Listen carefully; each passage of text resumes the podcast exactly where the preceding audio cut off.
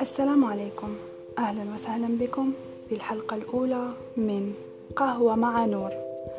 جاءتني فكرة بودكاست من أجل إفادة كل أم كل بنت كل أخت كل زوجة باختصار كل امرأة. لنشجع الإيجابية لنتناقش في كل المواضيع التي تحتاجها الأم في تربية أبنائها. والبنت في تكوين شخصيتها وعلاقاتها والزوجة للنهوض بمملكتها. لكل ما تحتاجه كل ملكة في مملكتها لتقدر نفسها وتقوي شخصيتها وتربي أولادها أحسن تربية.